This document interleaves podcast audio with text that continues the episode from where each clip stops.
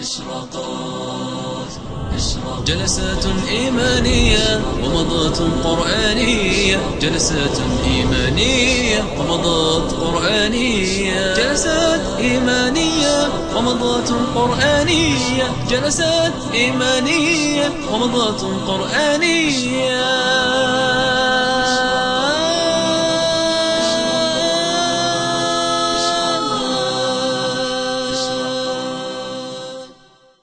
إن الحمد لله نحمده ونستعينه ونستغفره ونتوب إليه ونعوذ بالله من شرور أنفسنا ومن سيئات أعمالنا. من يهده الله فلا مضل له ومن يضلل فلا هادي له وأشهد أن لا إله إلا الله وحده لا شريك له وأشهد أن محمدا عبده ورسوله. صلى الله عليه وعلى آله وأصحابه وأزواجه وأتباعه بإحسان إلى يوم الدين وسلم تسليما كثيرا. هذه ليلة الاثنين التاسع عشر من شهر الله المحرم من سنة 1426 للهجرة وهذا جامع الراجحي ببريدة. والأسبوع الماضي كنا وضعنا التفسير بعد المغرب والبلوغ بعد العشاء ووردتنا احتجاجات منها هذه الأوراق التي طويتها قبل قليل واتصالات من عدد من الأخوة يقولون إن البلوغ أصله بعد المغرب ونحن تبرمجنا وتعودنا ورتبنا وقتنا على هذا الأساس. فيريدون أن يعود البلوغ بعد صلاة المغرب ويكون التفسير بعد صلاة العشاء. فالأمر إليكم لأن بالنسبة لي سيان. نحن نبحث عما فيه المصلحة. نريد الآن الإخوة الذين يريدون أن يعود البلوغ بعد المغرب كما كان إنهم يتكرمون يرفعون أيديهم. عدهم يا صلاح الله يرضى عليك. لا تنزلون حتى بسرعة عد الأخوة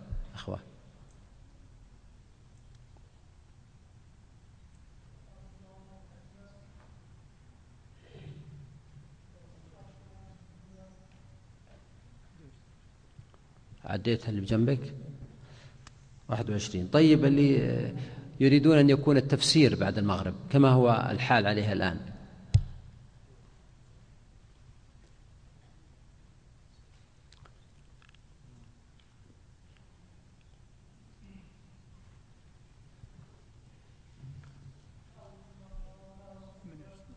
ثمانية وعشرين. طيب آه طبعا هذا هذا الاستطلاع غير كافي لأنه يمكن الآن اللي جايين للتفسير. فبعد صلاة العشاء إن شاء الله إذا كان أخوة سيأتون جدد سنعيد عليهم الاستطلاع. فإن كانت القسمة كما هي فستظل الدروس كما هي. وإذا عدلوا فنعدل. اليوم بطبيعة الحال نمضي على ما نحن عليه فيما يتعلق بالتفسير. فحيث في الأسبوع الماضي بدأنا بتفسير سورة ماذا؟ الأعلى. ومن أسمائها أيضا سبح أو سبح اسم ربك الأعلى. وهي سورة مدنية. كذا؟ في قول الجمهور. كلا. بل هي سورة مكية. عند آه، الجماهير وهو الصحيح. وهذه السورة عدد آياتها تسعة عشرة آية وترتيبها في النزول كم؟ الثامنة. طيب وكان أحد الإخوة سألني سؤال يقول ألا يكون المقصود باسم ربك الأعلى المذكور هو الاسم الأعظم الذي إذا سئل الله تعالى به أعطى؟ فهذا وجه جيد. هذا وجه جيد تتضمنه السورة وإن كان المعنى لا يقتصر عليه. فإن التسبيح بسم الله الأعلى أولا قلنا أن الأعلى صفة لله ولذلك عطف بقوله الذي خلق فسوى والذي قدر فهدى. ولكن الاسم الأعظم هو من أولى ما يسبح الله به. فإذا كان التسبيح بأسماء الله كلها محمودا فالتسبيح بالاسم الأعظم من باب أولى. وأيضا للأخ سؤال آخر وهو هل يحسن بالإنسان أن يتدبر السورة ثم يرجع إلى كتب التفسير؟ وأقول هذا جيد لأن بعض الإخوة إذا رجعوا إلى كتب التفسير وقعوا أسرى فيما في هذه الكتب. بينما لو تدبر الإنسان معاني القرآن ثم رجع إلى تلك الكتب لوجد آه، يعني أنه ينتفع بالقرآن أكثر وأعظم خصوصا في الأشياء الظاهرة مثل المعاني والإشراقات وربط الآيات بعضها ببعض. وأما المعاني الغامضة فمن المعلوم أن الإنسان لا ينبغي له أن يهجم عليها أو يتسرع في آه، القول فيها بغير علم لأنه من قال في القرآن بغير علم فقد أخطأ ولو أصاب. آه، هذه السورة حقيقة مثل غيرها من سور القرآن سورة عظيمة وكلما تأمل الإنسان يعني أنا بعد الأسبوع الماضي قرأت السورة هذه عدة مرات في الصلاة وتدبرتها فوجدت أنه يتجدد معاني ودلالات وروابط وأسرار عجيبة. فلو أن الإنسان قضى عمره كله الشافعي رحمه الله يقول سورة العصر لو تدبرها الناس لوسعتهم. يعني كلما قرأ الإنسان هذا السورة أو هذا المقطع تجددت له معاني وإشراقات عجيبة.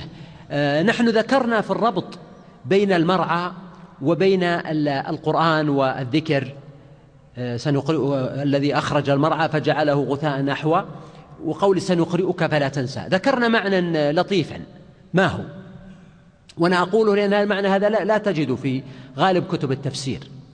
الربط بين قوله هو الذي أخرج المرعى وقوله سبح وقوله سنقرئك. فلا تنسى. ما وجه الربط بينها؟ تفضل لا هذا موضوع آخر. آه ذكرنا أن الآية فيها إشارة إلى الفرق بين الإنسان والحيوان والفرق بين الدنيا وبين الآخرة. فهو ذكر إنسانية الإنسان التي تتبين وتتميز بتسبيحه وعبادته لربه سبحانه وكمال أخلاقه وزكاة نفسه هذه إنسانية الإنسان. وليست بأكله وشربه وكونه سمين أو طويل أو عريض أو غني مثلا. فذكر إنسانية الإنسان وبدأ بها بالأمر بالتسبيح والثناء على الله سبحانه وتعالى الذي خلق الإنسان وسواه وقدر وهدى. و وذكر بعد ذلك المرعى والحيوان. طبعا ذكر المرعى يستدعي ذكر الحيوان الذي يأكل منه. إشارة إلى الفرق بين الإنسان وبين الحيوان الذي قصاراه أن يكون في المرعى يأكل ويشرب ويتمتع ثم ينتهي أمره. وكذلك الفرق بين الدنيا والآخرة. ولهذا قال في آخر السورة بل تؤثرون الحياة الدنيا والآخرة خير وأبقى. بينما في المرعى قال أخرج المرعى فجعله. والفاء هنا تقتضي التعقيب يعني بلحظات خرج ثم يبس وأصبح غثاء أحوى أسود تذروه الرياح. فهو إشارة إلى قصر الحياة الدنيا وطول الآخرة. وقد وجدت للشيخ طاهر بن عاشور في كتابه التحرير والتنوير محاولة أخرى للربط لم أستحسنها. وهي أنه قال إنه كثيرا ما يرد الربط بين القرآن وبين المطر الذي ينزل على الأرض فتنبت. فجمع أو ربط بين المعنيين بهذا.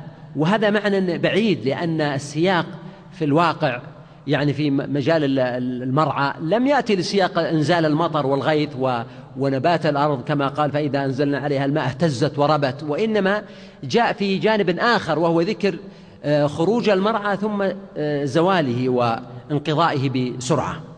فعلى كل حال هذا من المعاني وذكرنا آه، معنى الذي قدر فهدى وقلنا أنه التقدير عام. يعني تقدير العقول خلق العقول خلق العقل وسواه وقدر بمعنى أنه جعل للعقل مجال وقدرة وهداه إلى مجالات التفكير في الملكوت وفي آه، السماوات والأرض والقوانين والمادة والتسخير والطبيعة وغيرها. وكذلك خلق القلب والمشاعر والأحاسيس وهدى الإنسان إلى الحب وإلى آه، البغض وإلى المعاني المختلفة في نفسه. وكذلك في ما يحتاجه من القوة الظاهرة والخفية خلق وقدر هذه الأشياء وهداها إلى ما خلقها له. سواء في الحيوان الذي تجد يعرف كيف يختار المرعى وكيف يلتقم الثدي وكيف يلحق أمه وكيف الأم تحن على وليدها وكل هذا من هداية الله سبحانه وتعالى حتى في الطيور النحل كيف يكون نظامها نظام في غاية القوة والإبداع النمل ونظامها الدقيق الطيور الأسماك الحيتان وعند كثير من هذه الأشياء قدرات ما توجد حتى عند الإنسان فيما هي مختصة به من الأشياء العلوم الفطرية التي لم تتعلمها في مدرسة ولم تتلقها في آه، محض وإنما ألهمها إياها ربها سبحانه. ولذلك قال وأوحى ربك إلى النحل. فهذا من معاني قوله والذي قدر آه، فهدى. ثم يعني الله سبحانه وتعالى ذكر آه، في قول سنقرئك فلا تنسى إلا ما شاء الله. استثناء وقلنا أن هذا الاستثناء يشمل أولا النسخ ما ينسخ من القرآن. كما يشمل ما يند عن النبي صلى الله عليه وسلم مؤقتا. كما يشمل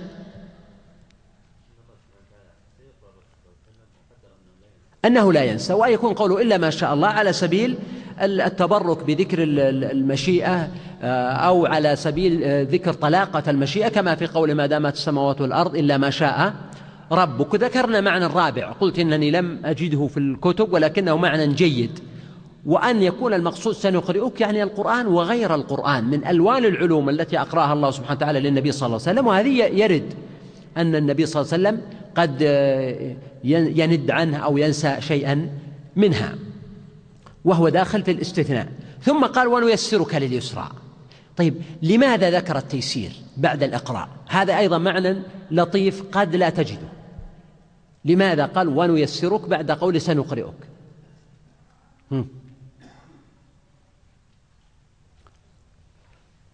تفضل. أي نعم تفضل. أي نعم. يدل, يدل على يسر الشريعة. لأنه قال لما قال سنقرئك دل على أنه سينقله من مألوفات الناس وعوائدهم وأمورهم العادية إلى معنى آخر جاءت به الشريعة.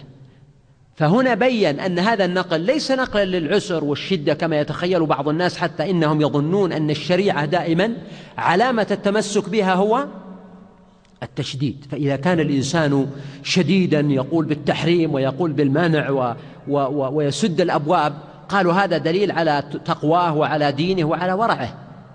وهذا استقر حتى أنا متأكد أنه عندكم موجود. يعني لما يكون شخص يمنع يعني نظن نحن أنه أليق بالشريعة وأليق بالصواب من شخص يأذن. وراكم تبتسمون لأنه هذا معنى يعني موجود في النفوس. بينما الواقع لا أنه الشريعة فيها يسر مطلق وليس المجال مجال الحديث عنها وإلا لا بينا جوانب من اليسر في العبادات والمعاملات وغيرها. ثم قال الله سبحانه وتعالى فذكر إن نفعت الذكرى. فأمر الله نبيه محمد صلى الله عليه وسلم بالتيسير بالتذكير فذكر إن نفعت الذكرى. فهو أمر وقيده أو علقه بقوله إن نفعت. يعني إن كانت الذكرى تنفع فذكر. وهذا قد يكون معناه يعني ذكر مطلقا. هذا أحد المعاني وعليه جمهور المفسرين.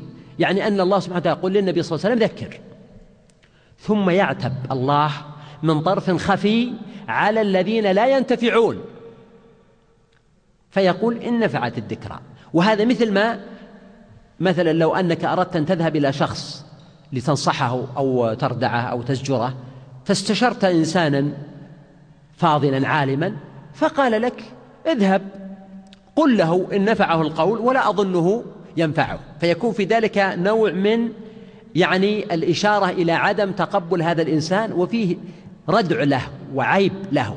كما إن فيه تهدي أهل نفس المذكر والناصح والواعظ وتطمين إلى أن لا يستغرب عدم قبول الناس. لا يستغرب إحجامهم وإعراضهم لأنه وضع عنده احتمال أن لا تنفع الذكرى. وهذا المعنى كما قلت معنى مشهور. في معنى آخر في الآية وقد ذهب إليه ابن كثير والشنقيطي في الأضواء والشيخ السعدي في التفسير وجماعة وهو أن الآية على بابها. وأن التذكير واجب إذا كان ينفع. فإذا كان لا ينفع لا يكون واجبا. وهذا المعنى أيضا جيد ولا مانع من إرادة المعنيين كليهما في الآية.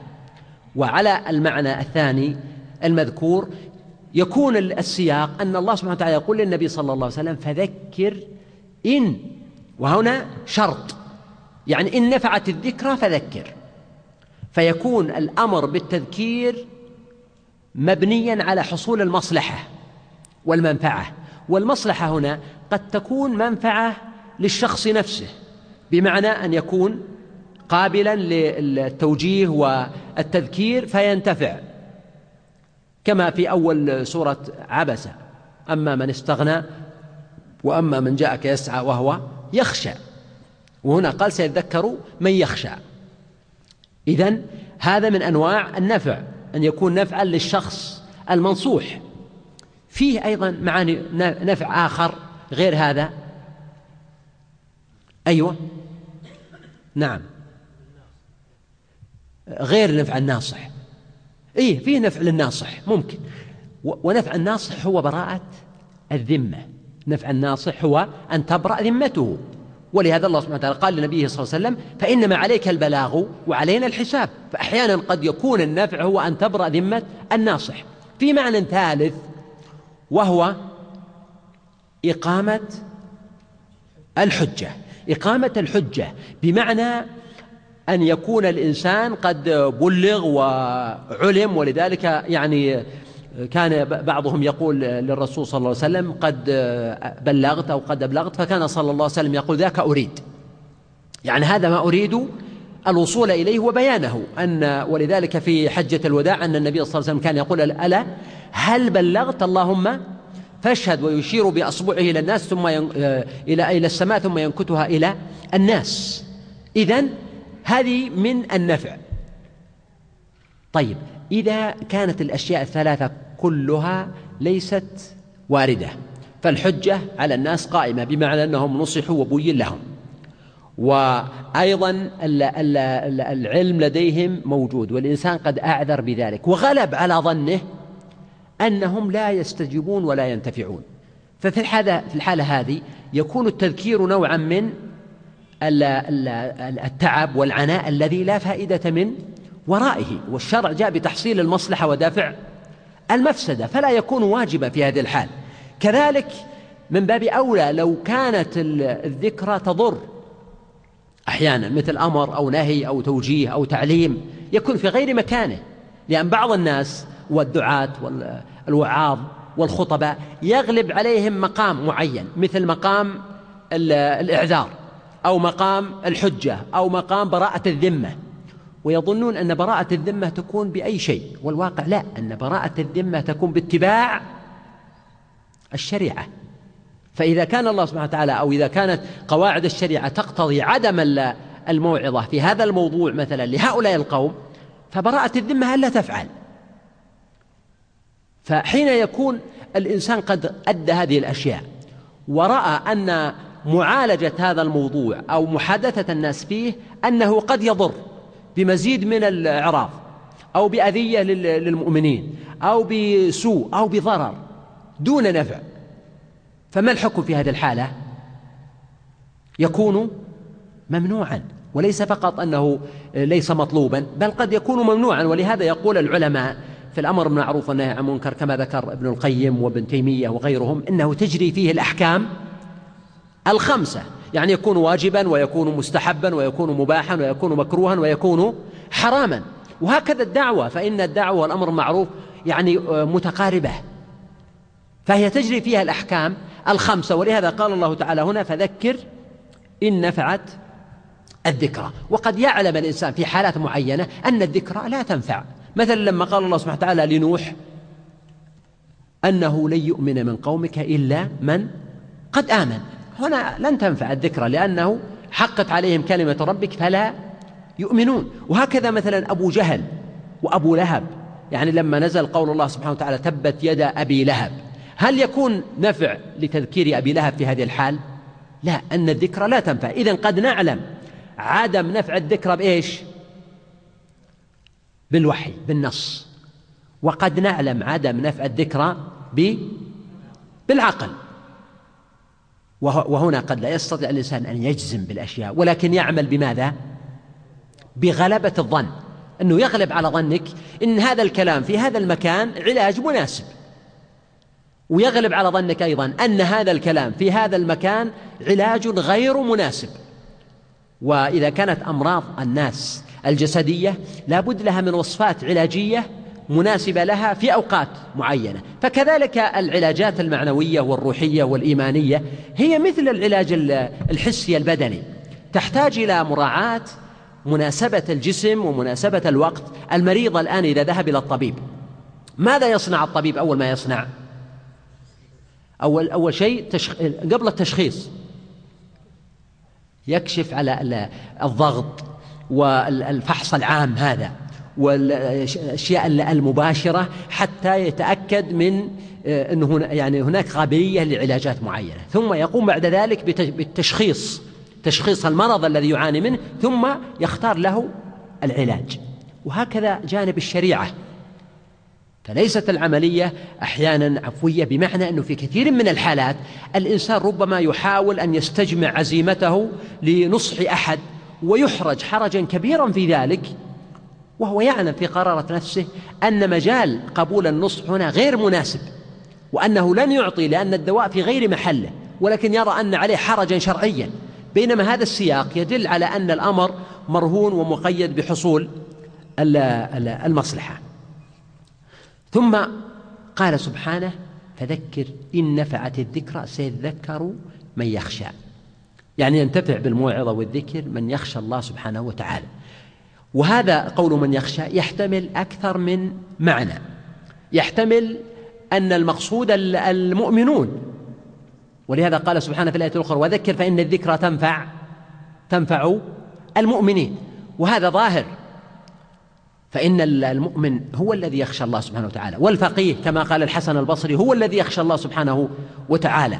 فهؤلاء يتذكرون وينتفعون وكلما زاد علم الواحد منهم زاد ورعوه وزادت تقواه ويحتمل أن يكون المعنى أيضا وكلاهما صحيح أنه سيقبل التذكير من عنده قابلية وصفاء في قلبه واستعداد للخشية لماذا؟ لأننا وجدنا أن من الكفار من ذكر فأسلم فهذا الكافر قبل إسلامه هل نقول أنه كان يخشى؟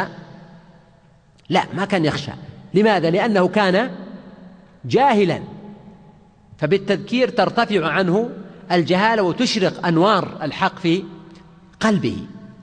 فاذا قوله سيذكر من يخشى يشمل المؤمن الذي يخشى الله سبحانه وتعالى كما وصف الله عبد الله بن أم مكتوم في سورة عبس. وأما من جاءك يسعى وهو يخشى ويشمل الذي لديه استعداد فطري للقبول وليس عنده تعصب ولا هوى. ولا تحجر ولا جمود ولا جاهلية ولا منافع دنيوية يخشى عليها فتمنعه من قبول الحق. ولذلك قال الله سبحانه وتعالى في بعض أهل الكتاب قال وإذا سمعوا ما أنزل إلى الرسول ترى أعينهم تفيض من الدمع مما عرفوا من الحق. يقولون ربنا آمنا فاكتبنا مع الشاهدين. ويتجنبها الأشقى. فلاحظ قوله لا قوله ويتجنبها. الضمير يتجنبها الذكرى. هذا واضح. وقوله يتجنبها يعني يترك جانبها بمعنى أنه يعرض عنها. لم يقل يتركها وإنما قال يتجنبها. والتجنب والاجتناب في القرآن يوحي بانه ليس أن ليس أن تترك الشيء فقط بل تترك الشيء وما وما حوله. مثل لما يقول مثلا رجس من عمل الشيطان فاجتنبوه. فهنا الاجتناب معناه لا تشرب الخمر ومعناه لا تجلس مع قوم يشربون الخمر لأن الراعي يرعى حول الحمى يوشك أن يقع فيه. فكذلك هنا قال ويتجنبها الأشقى. يعني لا يحب الموعظة ولا يأنس بها ولا يجالس أصحابها بحيث تجد أنه ينفر منها. فما لهم عن التذكرة معرضين. يكون عنده آه، رفض ونفور. ولذلك قال الله سبحانه وتعالى عن المشركين ونقلب أفئدتهم وأبصارهم كما لم يؤمنوا به أول مرة ونذرهم في طغيانهم يعمهون. فمن العادة أن الإنسان إذا كان عنده صفاء في قلبه فطري ولو لم يكن عنده معرفة وإيمان إذا سمع الذكر والخير ربما استمع إليه. وليس بالضرورة أن يقبله لأول وهلة ولكنه لا ينفر منه. ثم يسأل ويبحث ويبحث حتى يصل. أما إذا كان عند الإنسان تشبع بضلال وهوى فإنه ينفر من الذكر وينفر من العلم ويظل في نفوره ويزداد وربما يتبنى مواقف ضد ال ال الإسلام وضد الخير وضد أهل الخير. فهنا قال ويتجنبها الأشقى. لم يقل الشقي. مع أنه ورد في آيات أخرى وصف هؤلاء بالشقي كما في قوله فأما الذين سعدوا قال وأما الذين شقوا ففي الجنة ففي النار فأما الذين سعدوا ففي الجنة خالدين فيها ما دام السماوات والأرض وأما الذين شقوا ففي النار خالدين فيها ما دامت السماوات والأرض. فسماه وقال فمنهم شقي وسعيد فسماه شقيا لكن هنا اختار لفظ الأشقى يعني الأكثر شقاوة. لماذا؟ لأنه يتكلم عن يتجنبها الأشقى وقد يكون الإشارة هنا إلى شخص معين كما جرت العادة عند علماء التفسير أنهم ينزلون هذه الآيات أحيانا على رجال من كفار قريش. كالأخنس بن شريق أو أبي جهل أو أبي لهب أو غيرهم. لكن الآية مطلقة. يعني يتجنب التذكرة. كل إنسان غلبت عليه الشقوة والشقاوة. قالوا ربنا غلبت علينا شقوتنا وفي قراءة شقاوتنا. فغلبت عليه فصار هو الأشقى يعني الأكثر شقاء. وكأنه ضرب به المثل في هذا المقام. ثم وصفه بقوله الذي يصلى النار الكبرى. فعبر بيصلى. لم يقل يدخل وإنما قال يصلى. وأيهما أبلغ وأقوى؟ يصلى لأن الصلي دليل على معاناة العذاب ومقاساة الحر الحرارة. فقال يصلى ثم نحن أعلم بالذين هم أولى بها صليا. فهنا قال لا يصلها ثم قال إلا الأشقى ويتجنبها الأشقى الذي يصلى النار الكبرى. الكبرى صفة للنار. وهذه إما أن تكون بالقياس إلى عذاب الدنيا كما قاله جماعة من المفسرين. يعني الإشارة إلى أنه في الدنيا وجد عذابا ووجد نارا كما قال الله سبحانه وتعالى ولنذيقنهم من العذاب الأدنى دون العذاب الأكبر. ويحتمل أن يكون المقصود أن الأشقى يعني الأكثر شقاوة يصل النار الكبرى فيكون هناك تناسب بين النار الكبرى وبين وصفه بالأشقى. والنار كما هو معروف دركات كما أن الجنة درجات. فبين مراتب الجنة تفاضل وبين مراتب النار تعاظم فكل ما نزلت كانت أشد عذابا. حتى قال الله سبحانه وتعالى عن المنافقين إنهم في الدرك الأسفل من النار. فهنا قال يصل النار الكبرى يعني لشدة شقاوته وهذا دليل على تفاضل على تفاضل واختلاف أهل النار في درجاتها وأنهم ليسوا في مقام واحد لأن كلما كان الإنسان أشد كفرا كان أشد عذابا. ولهذا قال ربنا سبحانه الذين كفروا وصدوا عن سبيل الله. زدناهم إيش؟ عذابا فوق العذاب. لأنهم كانوا يفسدون في الأرض ويصدون الناس عن سبيل الله فقال كفروا وصدوا عن سبيل الله.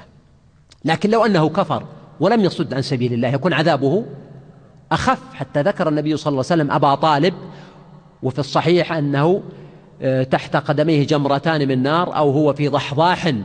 من نار ولولا أنا لكان في الدرك الأسفل من النار. فذكر النبي صلى الله عليه وسلم تفاوت واختلاف أهل النار في درجاتها ومقاسات حرها. الذي يصل النار الكبرى ثم لا يموت فيها ولا يحيا.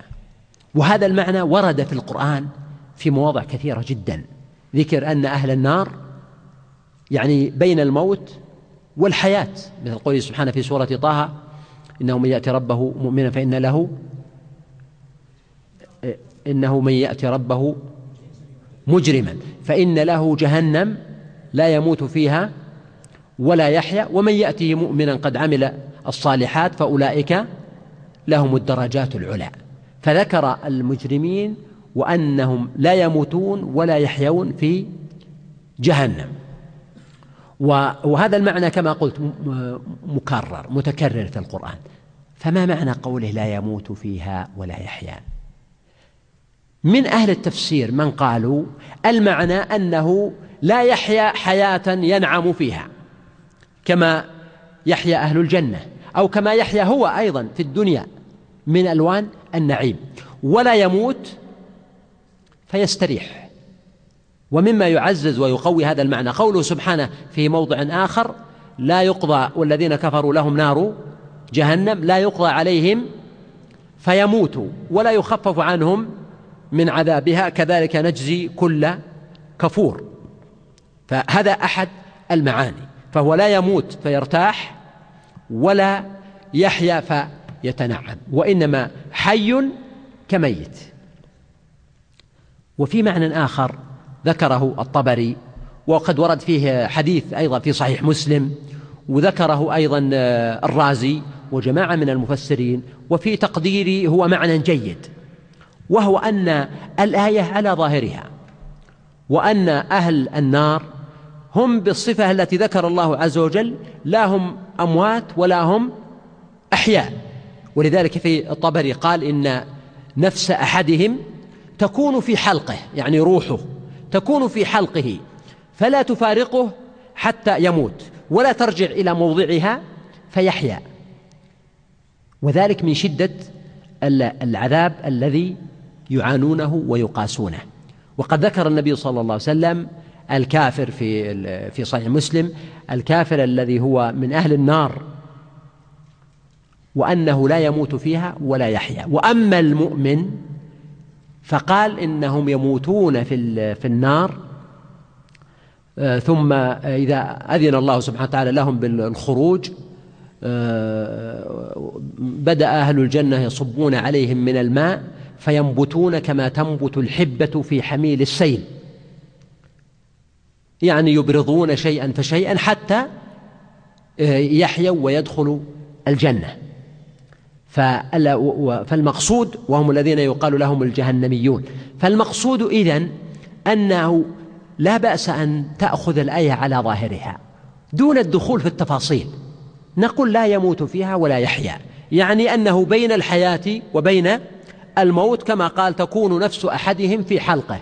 لا تصل إلى بدنه فيحيا ولا تخرج فيموت ويرتاح. وذلك لأن أمور الآخرة لا يصح قياسها على أمور الدنيا. يعني يقول قائل كيف لا يموت ولا يحيا؟ نقول هذا إلى الله سبحانه وتعالى.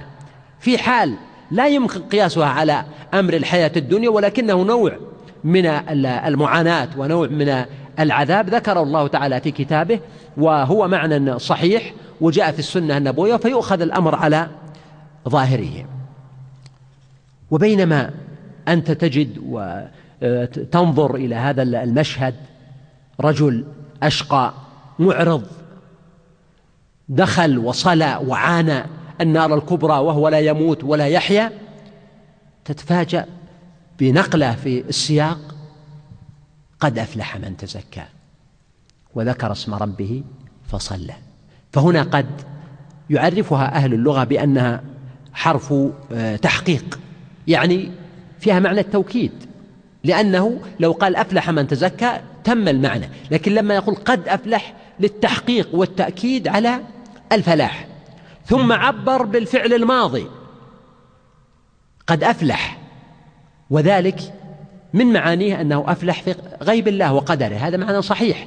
لكن أيضا من المعاني المقصودة هنا الإشارة إلى تحقق الفلاح. وهذا موجود عند الناس لما واحد يقول أبغى منك هذا القلم مثلا؟ فأقول جاءك. وش معنى هذه؟ حصلت عليه. وجاء فعل ماضي لكن مقصود يعني المبالغة في تأكيد معنى الحصول. فإذا لما يقول الله سبحانه وتعالى قد أفلح بالفعل الماضي إشارة إلى تحقق الفلاح. قد أفلح من آه، تزكى. قوله تزكى معروف أنه مأخوذ من التزكي من الزكاء. من الزكاة والزكاة يحمل معنى الزيادة ومعنى الفضل ومعنى التطهر كلها من معاني التزكي وكلها من معاني الزكاة أيضا لأن الزكاة تبارك المال وتزيل الضغائن. فهنا قال من تزكى ولم يقل قد أفلح من زكى أو زكى نفسه.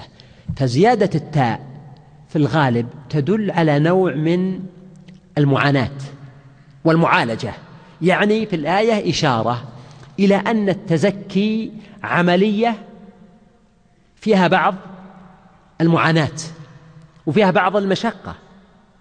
ولكن العون من الله سبحانه وتعالى لمن يريد ذلك. فأنت إذا إذا إذا أردت مثل إنسان تقول تعلم. هذا الإنسان تعلم. تشعر بأنه أخذ مرحلة طويلة ليتعلم ويتابع ويؤدي الواجبات ويحضر الدروس ويقرأ حتى وصل إلى مرحلة التعلم. بينما لما تقول علم قد يكون الأمر يسيرا جدا. فالتاء تدل على معالجة ومقاسات وهنا في عد عدد من الإشارات. تزكى يعني فيه إشارة إلى أن التزكي يتطلب مجهودا.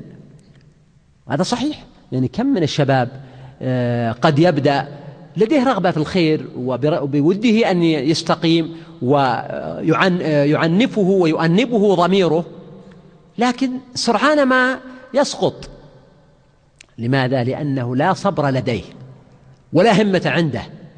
فبمجرد ما يجد الإغراءات ويجد الجواذب ويجد النوازع ينجذب إليها ويترك الخير. أو يجد عقبات أمامه في الطريق يتوقف عنها. أو يبدأ ولكن لا يكون عنده همة في ذاته. فيعني لما ينظر أنه هذا الطريق فيه طول ومشقة وعسر وسوف ينحرم من أشياء كثيرة لا يواصل في الطريق. ومع ذلك نقول إن التزكي درجات كما أشارت الآية كما أن الشر دركات. وعلى الإنسان المؤمن أن يستمسك ولو بالحبل الذي يوصله إلى الجنة وهو حبل الشهادة والإيمان بالله تبارك وتعالى. حتى لو أنه زل أو عثر أو أخطأ فإن هذا لا يعني أنه ترك التزكي لأن أصل التزكي ولبه هو زكاة القلب بالتوحيد. وأن لا يكون عند الإنسان شرك بالله سبحانه وتعالى. وهذا حاصل لكل مؤمن بالله. ومع ذلك قد يكون هذا المؤمن لم يحصل له كمال التزكي. فعنده عيوب وعنده أخطاء وعنده تغلبه شهوته أحيانا. وتغلبه عينه وتغلبه نظره وتغلبه كلمة بلسانه وتغلبه محبة للمال أو قعود أو رغبة في مأكل أو مشرب أو نوم أو ما أشبه ذلك. فيقع منه نوع من التقصير. فهذا لا يعني أنه أفلت من التزكي كله ولكنه لم يقع له كماله. وهذا معنى فاضل شريف ينبغي أيضا أن ينتبه له الناس.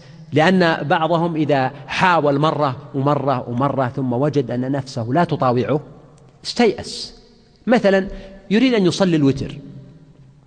فبعد صلاة العشاء قالت له نفسه أفضل تصلي الوتر قبل النوم يكون أفضل. عند النوم قال لا أحسن أقوم بعد الفجر آه، قبل الفجر يعني بعد النوم أصحي قبل الأذان وأوتر. جرب مرة مرتين ثلاث خلاص استيأس. ينبغي في الحالة هذه أن يبادر ويصلي حتى في الوقت الذي هو أقل فضيلة ولكنه أضمن وأحزم كما ورد. وفي نفس الوقت لو فرض أنه لم يصلي وترك الوتر أياما طوالا لا ييأس ويقول لا فائدة. عليه أنه كل ليلة يحدث نفسه بهذا الحديث. وهكذا كل الطاعات التي يقصر فيها وكل المعاصي التي يقع فيها. فلو أن الإنسان يقع في المعصية كل أسبوع منذ كان صبيا في الثالثة عشرة من عمره إلى اليوم وهو في الأربعين مثلا وهو يقع فيها. لا ييأس ويقول هذه معصية لا مخلص لي منها لا. عليه أن يحدث نفسه بماذا؟ بالتوبة والإنابة والاستغفار وأنه يمن الله علي يتوب الله علي وعسى ولعل. وهذا جزء من معنى قوله تزكى. قد أفلح من تزكى. وفي الآية إشارة إلى أن التزكي والتزكية من أعظم مقاصد البعثة النبوية مقاصد بعثة النبي صلى الله عليه وسلم وبعثة الأنبياء جميعا عليهم الصلاة والسلام. والتزكي يكون بصفاء النفس وصفاء القلب. وذلك لأن القلب إذا صفى أشرقت عليه المعاني الطيبة وصار لا يصدر منه في الغالب إلا الطيب من القول والفعل والاعتقاد. ولو أنك تأملت حياة الناس اليوم لوجدت فيها من سيء المعاني والشرور والسيئات والأحقاد والضغائن والبغضاء والكراهية الشيء الكثير والذي سببه ضعف التزكي. ففي ذلك إشارة إلى أنه يجب أن يكون من مقاصد العلم والتعليم والدعوة تزكية الناس. وليس فقط حشد المعلومات بل دلت السورة على أن العلوم يفرح بها لماذا؟ لأنها تزكي الإنسان فكلما كان الإنسان أكثر علما يفترض أن يكون أكثر تزكيا أما إذا كانت العلوم عبارة عن معلومات رياضية مجردة في الذهن وليس لها تأثير في حياة الإنسان وسلوكه. فهنا قد تتحول إلى نوع من المفاخرة والمباهاة. وإذا كان الإنسان مثلا في آه، منصب ربما أنه نسي كثير من الأشياء التي يقول بها ويدعو إليها. ففي ذلك إشارة إلى معنى التزكي وأنه من مقاصد النبوة كما في آيات متعددة لما ذكر الله تعالى دعوة إبراهيم وبعث فيهم رسولا منهم. وأيضا قول النبي صلى الله عليه وسلم إنما بعثت لأتمم مكارم الأخلاق. فهذا يتطابق مع هذه الآية الكريمة لأن المقصود مكارم الأخلاق يعني أخلاق الظاهر وأخلاق الباطن. أخلاق الظاهر بالسماحة والصدق والصفاء والابتسام والكرم وما أشبه ذلك وأخلاق الباطن بأن يكون القلب مشتملا أيضا على المعاني الطيبة للمؤمنين ومتخلصا ومتخليا عن المعاني السيئة التي لا تليق بمقام التزكي. ولذلك قال المفسرون في معنى هذه الآية من تزكى قال ابن عباس رضي الله عنه إن معانيها تطهر من الشرك وهذا يعني التزكي الأصلي كما ذكرنا بحصول التوحيد والذي هو حاصل في الجملة لكل مؤمن على التفاوت. وقال أبو سعيد الخدري كما ذكرنا في الأسبوع الماضي إن من معاني أو أن معنى تزكى هنا يعني أخرج زكاة الفطر وذكر اسم ربه فصلى يعني صلاة العيد وهذا أيضا نقل عن ابن مسعود رضي الله عنه وهو معنى صحيح لكن لا تقصر الآية عليه خصوصا وأنها نزلت بمكة قبل أن تفرض زكاة الفطر وقبل أن تفرض صلاة العيد على والصلاة كلها على الناس. فنقول هذا داخل في عموم الآية وليس وليست الآية خاصة به. وقيل معنى تزكى اتقى كما ذكرنا. ثم قال الله عز وجل وذكر اسم ربه وذكر اسم ربه فصلى. شوف قال أفلح من تزكى. وذكر اسم ربه فصلى. فهنا عطف بالواو. قال وذكر اسم ربه بينما لم يقل وصلى وإنما قال فصلى. فجاء بالواو ثم بالفاء. وكأن المعنى والله أعلم لأن الصلاة هنا هي فرع عن الذكر. ذكر اسم ربه فصلى. مثل قول الله سبحانه وتعالى آه، آه، لموسى عليه السلام إنني أنا الله لا إله إلا أنا فاعبدني وأقم الصلاة لذكري. والنبي صلى الله عليه وسلم يقول في الحديث المتفق عليه من نام عن صلاة أو نسيها فليصلها إذا ذكرها لا كفارة لها إلا ذلك. ثم تلا قوله تعالى فاعبدني وأقم الصلاة لذكري. إذا قوله هنا وذكر اسم ربه فصلى إشارة إلى أن الذكر ملتبس بالصلاة. يعني كأنه صلى فذكر اسم ربه في الصلاة. فالصلاة ذكر بل هي أعظم الذكر. ولذلك لو سئل إنسان أيهما أفضل الذكر أم الصلاة نقول له الصلاة في يعني أوقاتها المشروعة أفضل لأن الصلاة مشتملة على ماذا؟ على الذكر مشتملة على القرآن وعلى التسبيح وعلى ألوان الأذكار فهنا قال وذكر اسم ربه فصلى إشارة إلى أن صلاته مبنية على ذكره لله عز وجل وفيها معنى عظيم وهو أن مقصود الذكر هنا حتى الذكر بالقلب لأن أكثر الناس يظنون أن الذكر هو ذكر اللسان. بينما الآية فيها إشارة إلى ذكر القلب قبل ذكر اللسان. ولذلك بحث العلماء من ذكر الله سبحانه وتعالى بلسانه وقلبه غافل. هل يؤجر أو لا يؤجر؟ ما يؤجر. ينقص. لا تتحجروا واسعا هو يؤجر. فضل الله واسع. لكن ينقص أجره وهذا ممن أشار إليه النووي في كتاب الأذكار.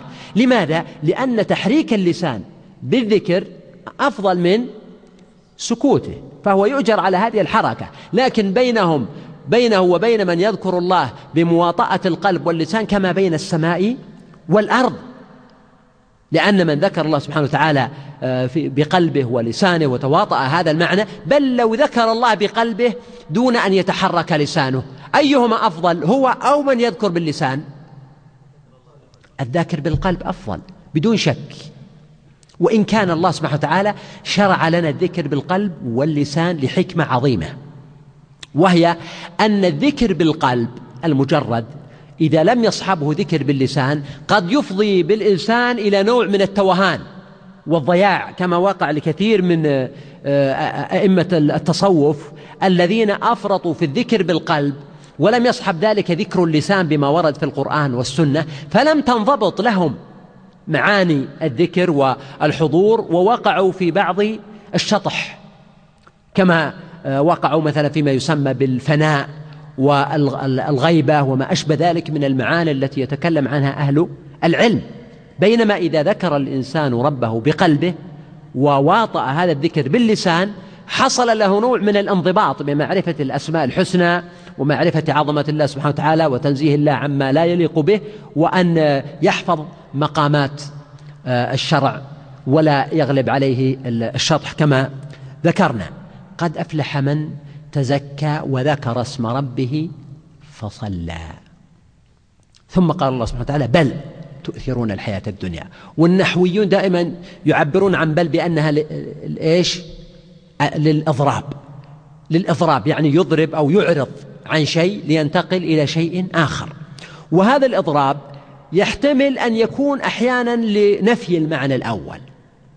يعني للإنكار مثل قوله سبحانه أم يقولون به جنة؟ ثم قال بل جاءهم بالحق وأكثرهم للحق كارهون. بل جاءهم بالحق. فهذه بل مقصود فيها الانقلاب والإعراض والإضراب على المعنى الذي ادعوه في كونهم يزعمون أن النبي صلى الله عليه وسلم به جنة. وقد يكون الإضراب ببل ليس بقصد الإعراض عن المعنى الأول لنفيه ولكن بقصد الانتقال إلى معنى آخر جديد كما في هذه الآية. يعني انتقال من معنى إلى معنى آخر قد يكون فيه بيان السبب غالبا. قد يكون غالبا يتعلق ببيان السبب. مثل لو إنسان مثلا طالب جاءك وهو آه، متأخر في الدراسة ما نجح في الاختبار. فقال لك والله الأستاذ الحقيقي ما كان منصفا ولا كان معتدلا ولا أنصفني ولا يتقن التصحيح وجاءت أسئلة صعبة. ولذلك رسبت. فتقول له بل أهملت ولم آه، تتابع. ولا يعني ذلك نفي السابق كله لكن يعني ذكر السبب الأصلي.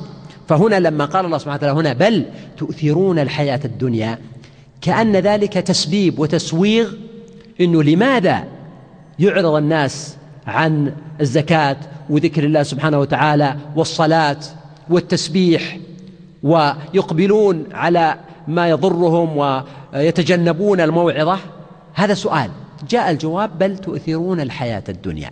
أن إيثار العاجلة من أعظم أسباب الانحراف في حياة الناس وتعلقهم بها.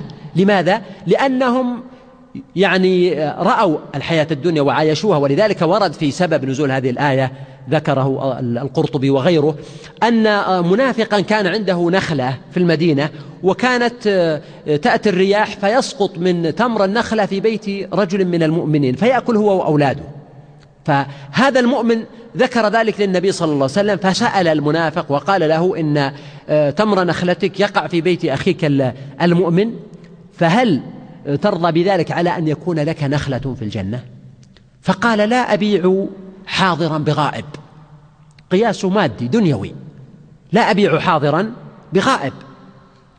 فعلم بذلك آه، بعض الصحابة قيل إنه آه، علي رضي الله عنه أو غيره فاشتراها وأعطاها للمؤمن وقيل عثمان بن عفان رضي الله عنه. فالمقصود أن إيثار الحياة الدنيا على الآخرة من أسباب الضلال المبين. وهنا المقصود الإيثار المطلق. ولذلك وصف الله المشركين في مواضع بأنهم يستحبون الحياة الدنيا على الآخرة.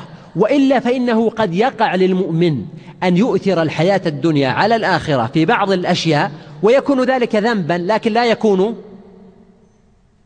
لا يكون كفرا. مثل لو أن إنسان مثل قصر في أداء الزكاة إخراج الزكاة المفروضة. هذا آثر الحياة الدنيا على الآخرة أو لا؟ يقين. ومع ذلك هل نقول أنه كافر بعدم إخراج الزكاة؟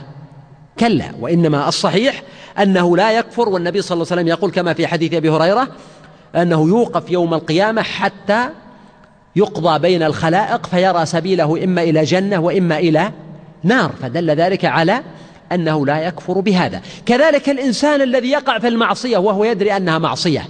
أليس هذا آثر الحياة الدنيا وشهوتها على ما عند الله تعالى في الآخرة؟ يعني الإنسان الذي يعني عاقر الخمرة وهو يعلم أن من شربها في الدنيا لم يشربها في الآخرة. طيب الإنسان الذي خلا بامرأة لا تحل له وانتهك محارم الله ووقع معها في مقدمات الفاحشة أو في الفاحشة أيضا. هذا الإنسان يعلم أن عند الله في الجنة الحور العين اللاتي آه، كأنهن بيض مكنون وأن آه، ما عند الله لا ينال بمعصيته ولكن غلبته حالة من الشهوة أو من الغفلة أو من ضعف الإيمان. فهنا نقول هذا آثر الحياة الدنيا في هذا المقام لكن لم يؤثرها مطلقا في حياته كلها ولذلك هو يصلي وهو يذكر الله سبحانه وتعالى وعنده شيء من الإيمان في قلبه ففرق بين المؤمن الذي آثر الحياة الدنيا في بعض الأحوال وبين الكافر الذي آثر الحياة الدنيا إيثارا مطلقا على الآخرة.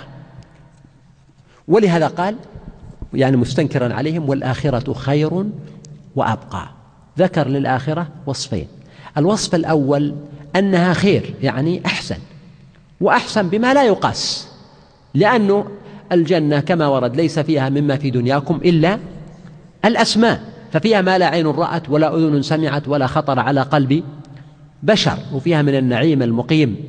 ما لا يقدر قدره إلا الله فلا تعلم نفس ما أخفي لهم من قرة أعين جزاء بما كانوا يعملون. لكن هذا مما طوي عن العباد. إذا الجنة خير من الدنيا. حتى لو كان لو كانتا متساويتين في الوقت لو أنك تعيش في الدنيا مئة سنة إن شاء الله وعمر طويل على طاعة إن شاء الله وتعيش في الآخرة مئة سنة فقط. لكانت الآخرة في هذه الحالة خير. لكن أيضا عندك في الآخرة مزية أخرى وهي وأبقى. وأبقى. يعني كم؟ مئتين سنة؟ مئة بالمئة؟ ألف؟ مليون؟ مليار تريلون لا. خالدين فيها ما دامت السماوات والأرض. خالدين فيها أبدا. لا تنتهي ولا تنقضي ولا تنقطع وإنما هو النعيم المقيم والخلد الأبدي. فهذا الذي يجعل المؤمن ينبغي أن يدخر لآخرته شيئا من عمله في قلبه وفي حياته.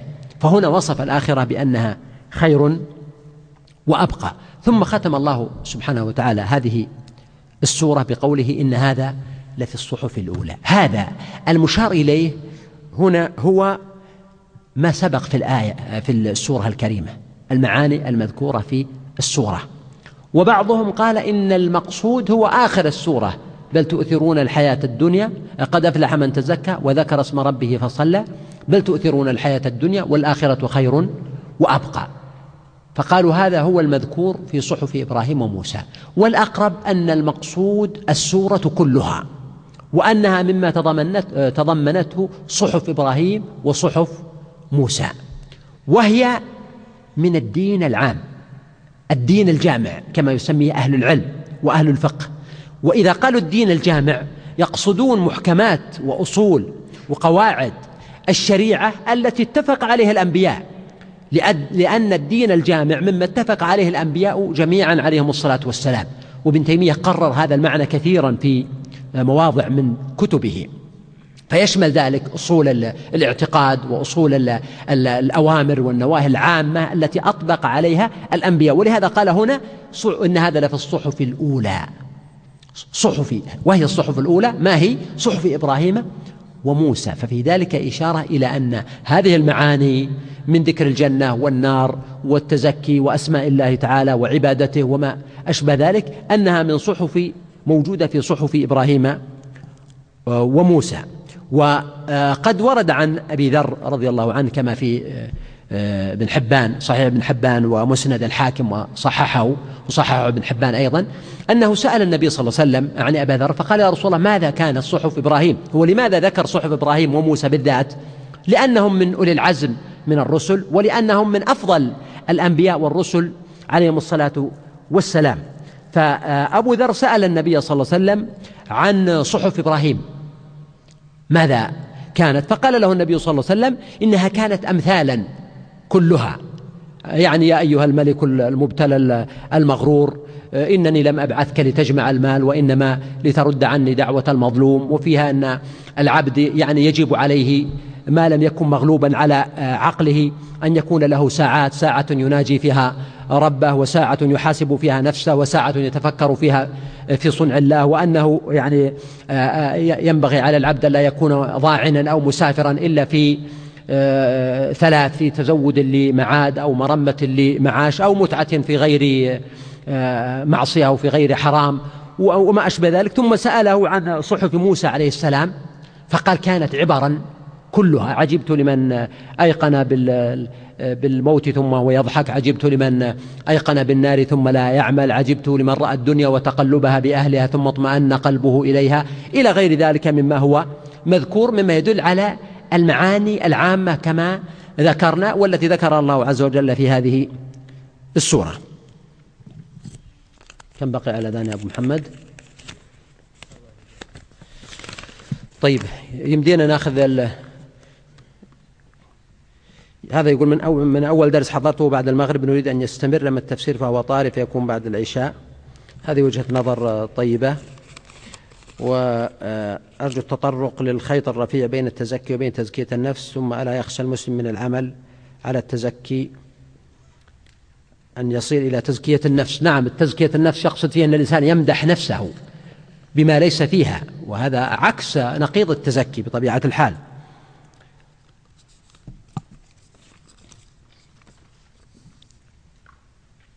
تزكى التاء ألا تدل على الاستمرار إنما التاء تدل على المعاناة والمشقة كما ذكرنا. ما شاء الله ما شاء الله. طلنا بفضل الله ورحمته.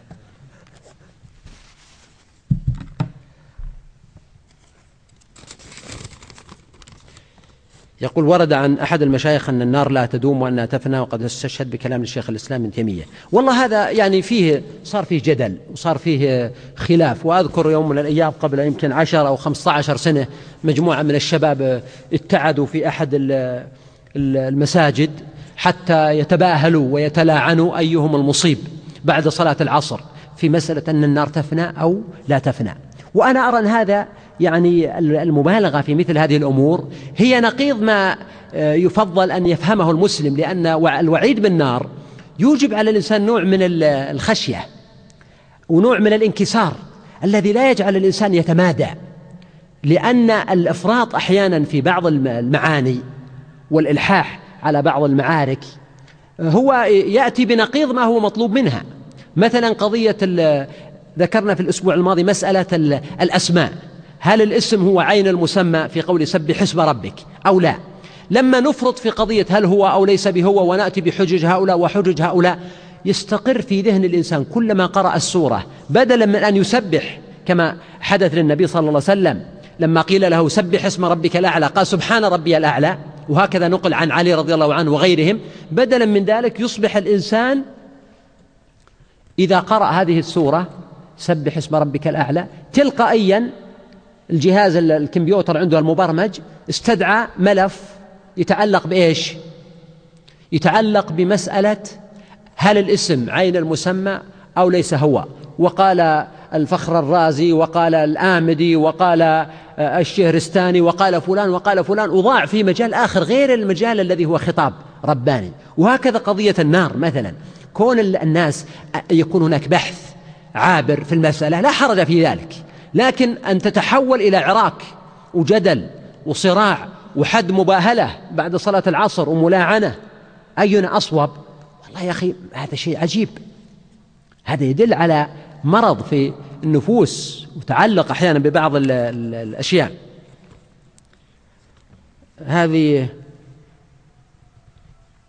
الظاهر أن هذه الإمام المسجد. آه، طبعا عندنا بعد الصلاة آه، بعد الأذان مسألة بحث مهم جدا في موضوع السبق والمسابقات والجوائز وغيرها. كان ودنا أن نأخذ يعني لو دقائق لكن أظن ما يمدينا الآن. فلكن إن شاء الله بعد الأذان نحاول أننا نختصر ما يتعلق بهذا الموضوع. رحم الله امرأ صلى قبل العصر أربعا. هذا ليس بقوي هذا الحديث. وكذلك من صلى قبل الظهر أربعا وبعدها أربعا. هذا لا بأس به هذا صحيح. وهذا يكون بعد أذان الظهر بكل حال. ولا تكتب يا أخي بالورقة الصغيرة هذه. يقول ما حكم القراءة في الصلاة بالقلب؟ لا في الصلاة يجب أن يقرأ ويقرأ بلسانه لا تحرك به لسانك لتعجل به. يعني لا يتعجل الإنسان في القراءة لكن يجب عليه فيما يتعلق بالقراءة الواجبة أن يقرأها بلسانه وأن يتواطأ قلبه مع لسانه على هذا المعنى. ترى فيه المذكرة في درس الأسبوع الماضي لكن هذه المذكرة نظرت إليها بعد العصر وبعدما طبعت فوجدت فيها خللا كبيرا وبعضها سقيم. إنما آه، أنتم تأخذونها إذا كانت موجودة ورجائي أنه لا, لا أحد يصورها إلا بعدما تصحح. صحح بالقلم لأن فيها أشياء تخل بالمعنى ولم يتسنى لي إعادتها لهم. يعني ما رأيتها إلا بعد العصر.